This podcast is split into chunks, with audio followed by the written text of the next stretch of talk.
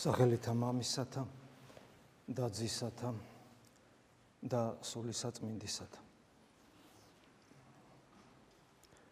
ნებიშვიდეულის პირველი სამი დღე საერთოდ თლიანად ნებიშვიდეული სახარების ოლი საკითხავები ძალიან დატვირთულია და დაახლოებით სახარების 1/3 ალბათ ამ დროს წაიკითხება ის მოცულობა თელი წმინდა სახარებისა 1/3 დაახლოებით აი ამ დროს და ეს არც არის გასაკვირი, იმიტომ რომ ერთგვარად ესეთი კონცენტრირებული სახით გვეძლევა უფლის სწავლება იმისათვის რომ კიდევ ერთხელ ჩვენი გულისმიერი გააზრება მოხდეს, შინაგანი გააზრება მოხდეს თუ რასთან აგვაქვს საქმე, როცა ჩვენ უფლის ვნებებზე ვსაუბრობთ, რას გვავალდებულებს, რას გვასწავლის და მე აღდგომას რო ღირსეულად შევხვდეთ, როგორც ძალისაბრ მოკლედ, როგორც ჩვენ ამას შევძლებთ.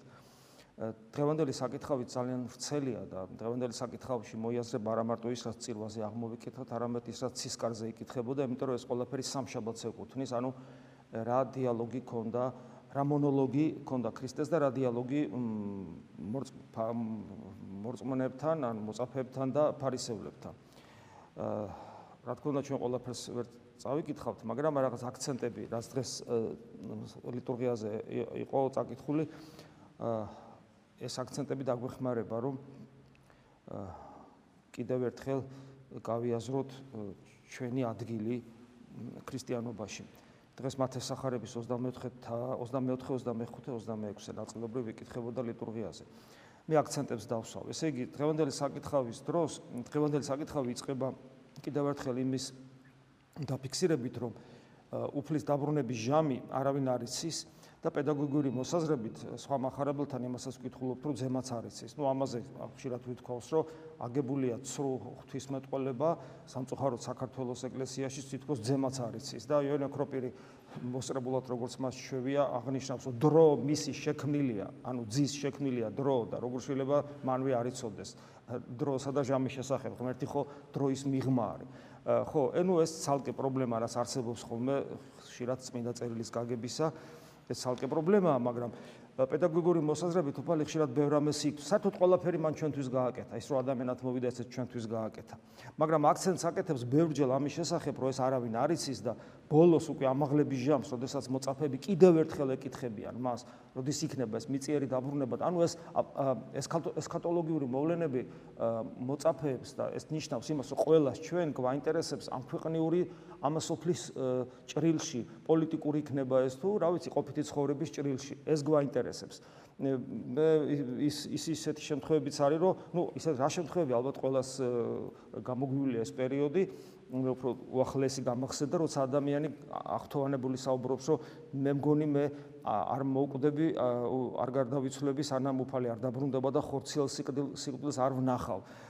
ნუ ეს კიდევ ერთი ნიშანია სპორტაშორის ურწმუნოების, იმიტომ რომ თუ სიზნელეზე მიდგა საქმე გარდაცვალება უფრო ძნელია თუ ანტიქრისტეს პერიოდი მე მეეჭვება რომ გარდაცვალება უფრო რთული იყოს ვიდრე ანტიქრისტეს პერიოდი იმიტომ რომ ისეთი სასტურის წინაშე დადგება. ადამიანი ძნელად რჩეულის კი ცდუნდებიან უფალი ამბობს და ეს ძალიან მტკივნეული იქნება. მორწმუნეებისათვის როცა ის იგი შეგნებულად უფალს უღალატებს რომ ვერ მოერევა საკუთარ სულ მოკლეობას რაც შეეხება გარდაცვალებას თუ ადამიანი ქრისტეში გარდაიცვლება ეს მისთვის ტკივნეულიც კი არ არის ამაზე ბევრჯერ გვისაუბრია და მაგალითებიც მოგვიყვანია და გარკვეული გამოცდილებებიც არსებობს ამასთან დაკავშირებით იგივე ეკლესიაში რა არა მარტო წარსულში არამედ თანამედროვე ეკლესიაშიც.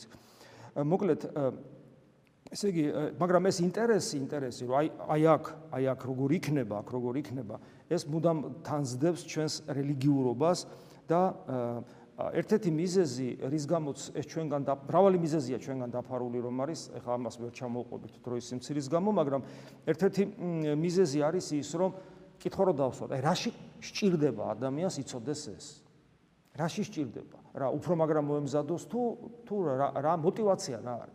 როგორ თუ როგორ თუ თუ ჩაუღმავდებით საკუთარ თავში ხა სხვის განკითხვას ნუ დავიწყებთ, საკუთარ თავში რომ ჩაუღმავდებით, აღმოჩნდება, რომ ერთ-ერთი მთავარი мотиваცია იმისა, რომ აბა როდის იქნება და ასე შემდეგ, ეს არის ჩვენი უსიყვარულობა უფლისა, როცა ჩვენ არ აგვაქვს მზაობა ყოველწამიერი მის მის მიმართ ერთგულების. აი მზაობა რო გაქვს, რომ ყოველწამს დათახა რომ მოყვდე, მისთვის რომ მოყვდე ყოველწამს. აი ამის მზაობა არ არის, ანუ სიყვარულის დეფიციტი, ანუ რწმენის დეფიციტი, ამიტომ რომ სიყვარული ქრისტესი და რწმენა ქრისტესი პრინციპში სინონიმებია, როგორც წმინდა წერილი გვასწავლის. ასე რომ ეს ძალიან მნიშვნელოვანია. კიდევ ერთი რამ, ერთ-ერთი მიზეზი აქ ჩანს ეს მიზეზი შემდგომში უკვე ვთქვათ საკითხავებში ძალიან ბევრი რამე იქნა აღმოკითხული დღეს. გახსოვთ იხსენებს უფალი ნოეს დროს წარღუნას. და ნახეთ რა საინტერესო რაღაცას ამბობს. რამე თუ ვითარცა იგი იყვნეს დღეთა მათ შინა პირველ წყლით ღმისათ არ წარგვა რომ მოხდა იმ დღეებში როცა იყვნენ ადამიანები როცა წარღვნა მოხდა. როგორ ცხოვრობდნენ ახლა ისინი? ჭამდნენ, სვამდნენ, იქორწინებდნენ, განქორწინებდნენ. მუნდღემდე ვიდრემდე შევიდა. ნოე კიდობნად და ვერცნეს. ვიდრემდე მოიწია წყლით ღრუნა იგი და წარიღო ყოველი და ესეთ იყოს მოსვლაცა ძისა კაცის. ანუ ძე კაცის მოსვლა ესეთი მოულოდნელი იქნებაო როგორც მათთვის იყო მოულოდნელი მიუხედავად იმისა რომ ნოე 100 წლის განმავლობაში ეუბნებოდა რომ მოხდება მოხდება მოხდება ისინი არ უჯერებდნენ ცხოვრობდნენ ჭამდნენ სვამდნენ ქორწინდებდნენ ანუ ჩვეულებრივი ცხოვრება მიდიოდა და უცებ მოვიდა და მსგავს იქნება, მოულოდნელი იქნება. ადამიანები არ არიან მზად ამისათვის ქრისტეს დაბრუნება. ქრისტეს დაბრუნება პრინციპში სამყაროს გარდაცვალებაა სიცოცხლეში, მაგრამ ვინც ვისაც ეს არ სურს, ვინც ვინც ამისთვის მზად არ არის და აი აქ რატომ წერია ეს ჭამასმა ქორწინება განქორწინება? განაჩვენს ესე არ ცხოვრობთ, ანუ სოფელი ხო ესე ცხოვრობს, ხო? ჩვეულებრივად. საქმე იმაშია, რომ მათი ცხოვრების წესი არ იყო მოსაწონი უფლისათვის. გარეგნულად დიახაც ისინი თითქოს ჩვეულებრივი საზოგადოება იყო. მაგრამ ეს ჩვეულებრივი საზოგადოება ღმერთს დაცილებული საზოგადოება იყო. აი მსგავსად მაგალითად გოდოლონის ბაბილონის გოდოლს რომ აშენებენ. იქაც ხო ჩვეულებრივად ცხოვრობდა. ანუ ცხოვრება იქნება ჩვეულებრივი, არაფრით განსხვავებული ვიზუალის თვალსაზრისით. მაგრამ თუ ჩვენ შევა აი ყოფითი თვალსაზრისით თუ შევაფასებთ, მაგრამ თუ ჩვენ შევაფასებთ ზნეობრივი თვალსაზრისით, ზნეობრივი თვალსაზრისით და მით უმეტეს სულიერი თვალსაზრისით, არის კატასტროფული მდგომარეობა. სწორედ ამიტომაც იყო მოულოდნელი ეს წყლით რღნას და მოულოდნელი იქნება უფლის დაბრუნებას და ასევე მოულოდნელი ადამიანისათვის სიკვდილი რომ მოგვაკითხავს ხოლმე და ყველაფერი მოულოდნელია. იმიტომ ჩვენ არა ვართ ჩვენ არა გვაქვს სულიერი სიბძნე და სულიერი წინდახედულობა. გესმით? აი ეს ეს არის მიზეზი და ამიტომ აი ცხოვრების წესი არის ჩვეულებრივი, მაგრამ ისინი მზად არ არიან. ხოთაშურეს ეს ზნეობრივი საკითხი ვახსენე და ზნეობრივი ნორმები ხშირად ადამიანის სულიერი მდგომარეობისგან დამოუკიდებლათაც და თვითრწმენის რწმენისგან დამოუკიდებლათაც მუშაობს. თვითკმარი უნარი აქვს სიკეთის მოტანის ზნეობრიობას. თვითკმარი უნარი. ხო უცებ გამახსენდა გახსოვთ როცა მეორე მსოფლიო ომი დაიწყო უამრავი ადამიანი ახალგაზრდა ახალგაზრდა გოგონები და ვაჟები ტყვეთ მიყავდათ ესე იგი დასავლეთში ანუ გერმანიაში. მას მოხიკავდნენ ახალგაზრდა გოგონებს და მიყავდა და არ შემორჩენილია ადოლფ ჰიტლერის ჰიტლერისადმი მიძღვნილი წერილი სადაც ექიმი რომელიც აი ამ კონსულტაციებს უტარებდა ახალგაზრდა გოგონებს წერილი, სადაც წერს, რომ ჩვენ ძალიან გაგვიჭirdება ამ ერის დამარცხება. იმიტომ რომ იქ რაღაც ასაკია 18 თუ 25 წელი აღარ მახსოვს, უდიდესი უმრავლესობა 90%-ზე მეტი ქალწულები არიან. ანუ მათი ზნეობრივი ცხოვრება იმ დროს, იმ დროს ზნეობრივი ცხოვრება იყო ძალიან მაღალი. და როგორც გონიერი ადამიანი დასკვნას აკეთებდა, რომ ასეთი ერის დამარცხება ძალიან ძნელია. სხვათაშორის ჩვენს გარშემო აი უკანასკნელ მაგალითად აი რაც საბჭოეთი დაიშალა ბოლო პერიოდი ბოლო რამდენიმე ათეული წელიწადი აღარ ვლაპარაკობ ომის მერე ომის შემდგომ პერიოდში მთელი ქვეყნიერება განადგურდა ხო მეორე მსოფლიო ომი. და ჩვენ განსაკუთრებით ბოლო 10 წლეულ პერიოდში თუ შევხედავთ შეიძლება მე ვწდები მაგრამ ესე ვხედავ მე რომ უამრავი ქვეყანა განვითარდა აღორძინდა და გაგვისწრო. მათ შორის ჩვენ სამხრეთით არსებული თურქეთიც. გვახსოვს როგორი გაჭირებული და აგრარული ქვეყანა იყოს სულ რაღაც 35-40 წლის წინ, 30 წლის წინ აი ეს. და საერთოდ გარშემო ძალიან ბევრი ქვეყანა აღოძინდა. მე დარწმუნებული ვარ, არც ერთი ქვეყანა აქ წმენაზე ხო არ არის საუბარი, არც ერთი ქვეყანა არ აღორძინებულა შინაგანის ნეობრივი ხერხემლის გარეშე. ყოველთვის იმისათვის რომ ერი აღორძინდეს, სახელმწიფოებრიობა გამტკიცდეს, გაძლიერდეს და რაღაც ღირსეული ადგილი დაიკავოს დედამიწაზე, აუცილებლად ჭირდება ზნეობრივი ხერხემალი. და ყველას გააჩნია ეს.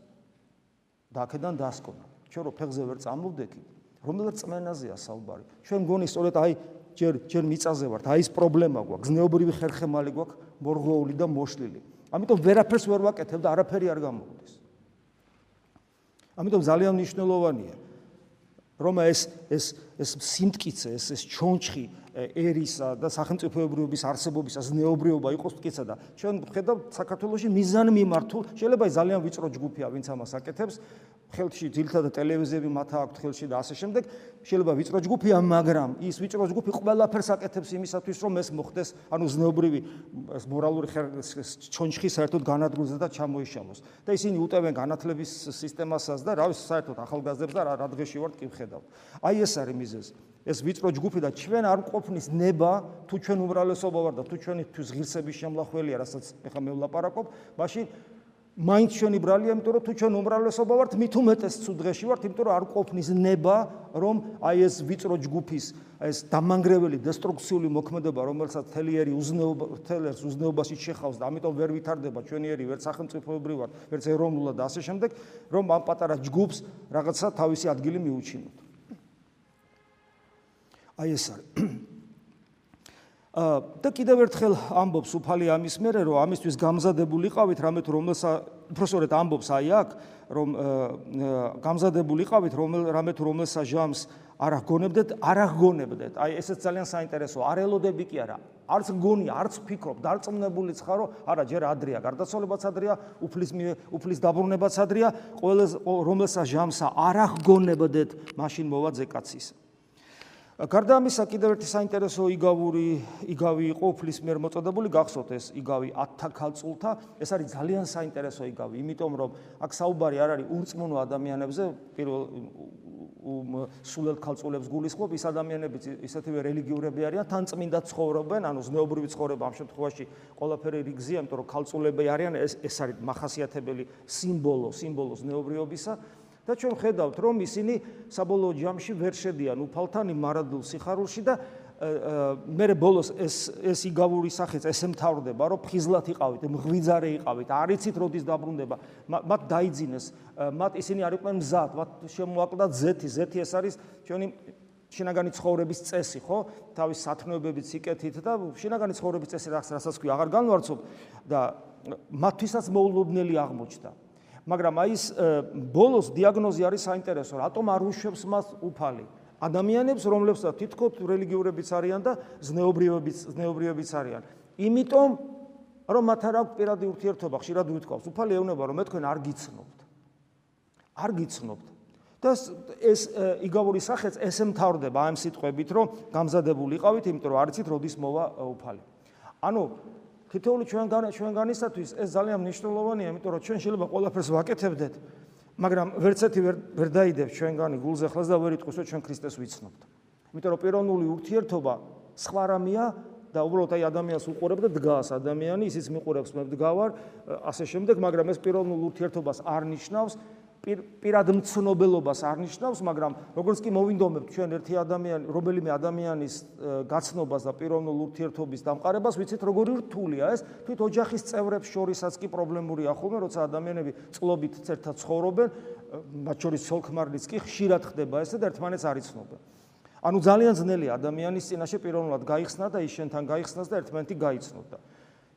ღმერთის შემეცნება ხო გაცილებით უფრო რთულია და ჩვენ ეგ საქმე თითქოს გადადებული გვაქვს, თითქოს ეს ჩვენი საქმე არ არის. მე ეს მომწამლელი აზრი, რომელიც პერიოდულად ეს შხამივით იფრქვევა ეკლესიაში, რომ არა, ეგ ჩვენი საქმე არ არის. ეხლა ჩვენ ხო ბერები არა ვართ. ბერები ამბობენ კიდე ეგ ხო ჩვენ ხო ძველი ბერები არა ვართ და ასე შემდეგ. ანუ არავის საქმე თურმე არ ყოფილა და ქრისტიანობა კიდე ეგ არის. სხვა ქრისტიანობა არ არსებობს. ქრისტეს უნდა ვიცნობდეთ.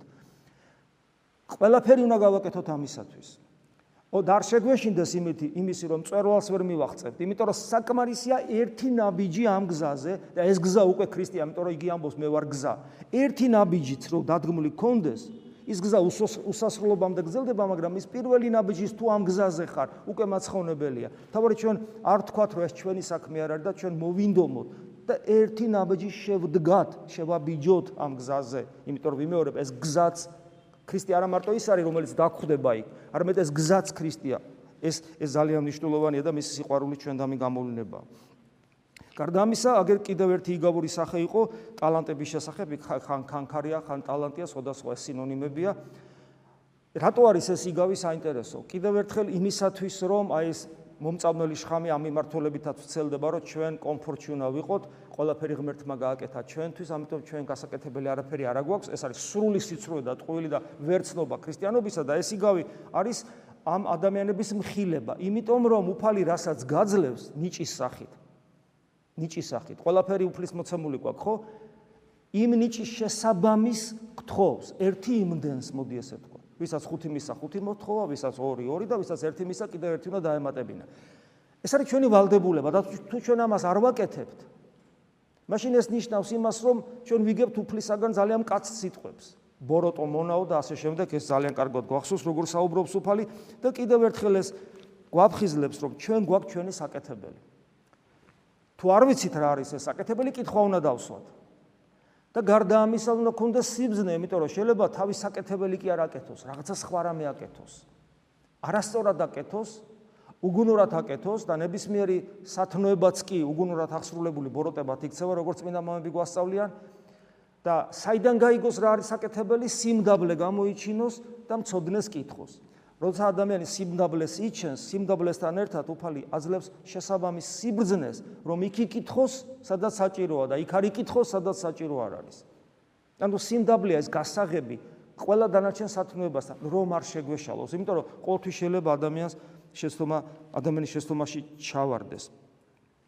და ეს სიტყვები ამ ამ ტალანტების შესახებ იგავს ამ სიტყვებს აყოლებს, რომ ყოველსა რომელს აქუნდეს მიეცეს და მიემატოს და რომელს არ აქუნდეს და რომელიცა იგი აქუნდეს, ანუ ვისაც აქვს მიეცემა და მიემატება და ვისაც არ აქვს რაც გონია რომ აქვს ესე წერი, რაც გონია რომ აქვს ისე წაერთმევა. ძალიან უცნაურია ეს, ხო? ვისაც აქვს კიდევ მიეცემა და ვისაც არ აქვს, იმას გონია რომ აქვს. ანუ ეს ძალიან საინტერესოა, იმიტომ რომ ვისაც აქვს თუ იმას ეგონა რომ აქვს, მაშინ წაერთმევა.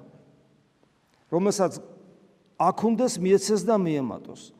მაგრამ იმიტომ რომ სინამდვილეში როგორც კიტყვი რომ მაქვს, ის უკვე აღარ გაქვს. აი ეს უცნაური მიდგომა.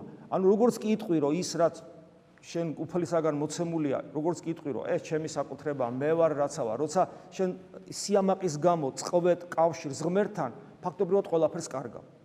იმიტომ რომ სიცოცხლეს კარგავ, როგორც უფალი ამბობს იგაურ სახეში, მე ვარ ვაზი, თქვენ კი რტოები, თუ რტო ვაზისაგან მოჭრილი იქნება, ის ناقობს აღარ გამოიღებს. ანუ ჩვენ თუ ჩვენ თავს მოკვეთ ქრისტესგან და ჩვენ ვფიქრობთ, რომ თვითკმარნი ვართ და ჩვენ რაც გვაქვს, ჩვენით გვაქვს, მაშინ ყველაფერს კარგავთ, იმიტომ რომ ის რაც გვაქვს, ისიც გახმება. აი ეს არის და ეს ყველაზე მეტად რა თქმა უნდა რეალიზდება სამწუხაროდ გარდაცვალების მერე იმიტომ რომ გარდაცვალების დროს ადამიანი გადის ამ სამყაროდან და ის რასაც ჩვენ სიცოცხლეს უწოდებთ, ის სიცოცხლე ჩვენთვის გაუქმდება, ჩვენ აღარ დაგვჭირდება ხორცთან ერთად ეს სიცოცხლე და სხვა სიცოცხლესთან თურმე კავშირი ჩვენ არ გქონია. ეს ყველაფერი სამწუხაროდ მე გაირკვევა. და კიდევ ერთი იგავური სახე ეს ცხო თიკნები და ცხოვარნი ძალიან საინტერესოა, იმიტომ რომ ჩვენ ხშირად ვამბობთ რომ ადამიანთან მიმართ ადამიანის მიმართ ურთიერთობა არის ჩვენი შინაგანი ცხოვრების გაშიფრა, რამდენად ქრისტიანები ვართ, ჩვენ შეიძლება მოვიხიბლოთ ჩვენი რელიგიურობით, სულიერი ცხოვრებით და გვერდზე მყოფ ადამიანს, ესე იგი, ვერ ხედავდეთ და გულმოწყალება არ გქონდეს. ადრეს ვამბობდით რომ ღმერთი რომ მოვიდა ადამიანად, გვიჩვენა როგორია ის, ის რო ღონიერია, ასე რო ვთქვა. ის რომ ყოვლის შემძლეა, ყოვლის ცოდნია, სამყაროს შემოქმედია, ამის დაჯერებას რა უნდა თუ ღმერთი გწამს, მაგრამ ის რომ შვიდია და დაბალი და გულმოწყალია, ეს ცოტა დაუჯერებელი ჩანდა და აი გულმოწყალება ერთ-ერთი თვისება და უფალი გვალდებულებს გულმოწყალენ ვიყოთ ყველას მიმართ. არ აქვს მნიშვნელობა ვინ არის ის ადამიანი. რომელი ერის, რომელი რელიგიის და არ არ არ მტერიც კი სულ ერთია. აი ეს უნარი გულმოწყალებისა, გვებრალებოდეს ადამიანი. და აი ამ იგავურ სახეში წყეთ თიკნებზე და ცხოვარებზე რო არის. იქ არ წერია რომ ჩვენ ადამიანს რაღაცა სასწაული უნდა გაუკეთოთ და უმძიმესი მდგომარეობაში იმყოფება რა გამოვიყვანოთ. ამის ვალდებულებას უფალი უფალი არ ასეთ ვალდებულების წინაშე არ გვაყენებს. უფალი უბრალოდ გვეუბნება რომ შეუმს შეგვებრალოს მოკლედ. პატიმარს რომ მოინახულებ ციხეში, ხო რა, იმას გამოიყვან იქიდან თუ რა, ანუ ჩვენი სიბრალული ადამიანისადმი. და სად იწყება ეს, რა თქმა უნდა, ახლობლებში, ოჯახში, სამრელო ცხოვრებაში და ასე შემდეგ. თითქოს ეს ორჯერ 2-4-ია ძმებოდადებოდა, ამის თქმა საჭიროც არ არის, მაგრამ სამწუხარო რეალობა სხვანაირია. მათ შორის თვით ოჯახებშიც და სამრელო ცხოვრებაშიც სულ ხშირად ვაწყდებით იმას, რომ ჩვენ ერთმანეთი ხშირად არ გვებრალება, არ გვეცოდება და სიყვარულზე არ არის ლაპარაკი. აი უფრო დაბალი დონეზე ვამბობ. ეს ეს მომენტი არის და გასაგებია რომ ჩვენი დაცემულ ბუნების დაცემულობიდან გამომდინარეა, მაგრამ ნუ ის მაინც უნდა ჩვენ ხო ქრისტე ხო ჩვენთვის ორიენტირია და რაღაც ძალიან საოცარი ნიშნულია, ხო უმაღლესი ნიშნულია. ჩვენ ის მაინც უნდა შევძლოთ, რომ დავინახოთ, რომ იმ ორიენტირთან და იმ ორიენტირის მიმართ და იმ ნიშნულთან მიმართებაში ძალიან დაბლა საერთოდ სადავარ და სინანული მაინც გქონდეს, რომ სინანული არის მაკურნებელი ყველაფრის. და თუ ჩვენ სინანულიც არა გვაქვს და საკუთარი თავი რაღაც გონია, მაშინ რა თქმა უნდა პრობლემა პრობლემა დარჩება და ბოლოს ამ დღევანდელ საკითხავში უცებ ყველაფრის მერე უცებ უფალი ამბობს, რომ უწყითა, ანუ იცით, რამე თუ შემდგომად ორისა დღისა ვნება იყოს, ანუ ტანჯვა, ამ შემთხვევაში ტანჯვის გაგებით და ზეკაცისა მიეცეს ჯვარცმად. ჩვენ ძალიან ბევრი შეიძლება ვისაუბროთ თეოლოგიაზე, ძალიან ბევრი ვარჩიოთ წმინდა წერილი, ძალიან ბევრი რაღაცა ვაკეთოთ, ბასკეტური ღვაწლი გქონდეს და ასე შემდეგ, ასე შემდეგ. მაგრამ არ დაგვავიწყდეს არასოდეს რომ ჩვენ როცა მოვინათლეთ, ჩვენ პირობა დავდეთ რომ ქრისტეს უნდა გავყვეთ და იგი იგი ადის გოლგოთაზე. ეს ნიშნავს იმას, რომ ჩვენ უნდა გქონდეს მზაობა მის და მერდგულებისა. როდის მოხდება ეს? და როგორ მოხდება ეს? ჩვენ ეს არ ვიცით თითოეული ჩვენგანის ცხოვრებაში, მაგრამ ვერცერთი ადამიანი ვერ ცხონდება თუ სადღაც რაღაცაში არ გამოავლინა ქრისტესადმი ამგვარი ერთგულება, რომ იგი მზაობას ავლენს, რომ მას გოლგოთამდე გაყვეს. კიდევ ვიმეორებ, რა ხარისხით, რა რაოდენობრივი მაჩვენებელით, როდის, რა ფორმაში, დაფარულად, ცხადად ჩვენ ეს არ ვიცით, მაგრამ ვერცერთი ადამიანი ვერ იქნება ქრისტიანი თუ ეს მან არ გაიარა. შეგვეციო სუფალი ხვალე უკვე დიდი ოთხშაბათია უფლის გაცემის დღე და შესაბამისად განსაკუთრებული დღე აი ამ სამი დღე პირველი სამი სამ დღეთა შორის და თუ უფალინებებს ხვალეც ვისაუბრებ. ჩვენ უფალი გუშინ გითხარით რომ არ გვანებებს თავს სანამ არ გვაცხონებს. ერთ-ერთი უფლის ჩვენდამი მზრუნველობის ნიშანი არის ის, რომ ჩვენ ცხოვრებაში მუდამ ვაწყდებით უსამართლობას ჩვენს მიმართ. სხვა საკითხია ჩვენ შეიძლება მოგვეჩვენოს, რომ უსამართლოდ გვექცევიან, მაგრამ დაუშვათ რომ არ გვეჩვენება. აუცილებელია ეს. და პირველი რეაქცია, სპონტანური რეაქცია ადამიანს, როცა უსამართლოდ ექცევია, ანაკ მრისხანება და ამბოხი ამ ყოლაფრის წინააღმდეგ. და სიძულვილში გამოხატული. არადა თითოეულ ასე დროს, ასე დროს, როცა ეს პირადად ჩვენ გვეხება, ხა მოყვას რო ეხება, ცოტა სხვა შემთხვევაა, მოყვასის დაცვა ჩვენი ვალდებულება. პირადად ჩვენ რო გვეხება, ეს არის ძალიან მნიშვნელოვანი გაკვეთილი და ძალიან ძვირფასი და მაცხოვნებელი. ჩვენ უნდა წესით მადლიერნი ვიყოთ უფლისა, უფლის განგებულებისა და იმ ადამიანებისაც სინამდვილეში, რომლებიც ასე გვექცევიან. იმიტომ რომ იმ დროს ყველაზე მეტად მე ვავლენ ჩემ შიგნით ვარ თუ არა ქრისტიანი. როგორ ვითმენ მე ამ ცილის წამებას, ამ უსამართლობას ჩემს მომართ, სულ მოკლეობით, მრისხანებით, ზაუბრობით, ბოღმით, თუ მიმტევებლობით, თუ დიცულოვნებით და ასე შემდეგ. და ესეც, ესეც, რასაც აი ჩვენს მიმართ, თითოეული ჩვენგარის მიმართ ამგვარი რამ ქვია განხორციელებული, ესეც ძალიან მნიშვნელოვანია. ყოველი ასეთი შემთხვევის მერე ჩვენ ან გაზდილები ვართ სულიერად, ამ პირიქით დაცემული. და როცა ვიზდებით მაშინ მაშინ აი გოლგოთას გოლგოთის გზაზე მიყვებით უფალს. შეგვაძლებელოს უფალმა ეს ღვაწლი ამინ მადლი უფლისა ჩვენისა იესო ქრისტესი და სიყვარული ღვთისა და მამისა და ზიარება სული საწმინდისა იყოს თქვენ ყოველთა თანა. ამინ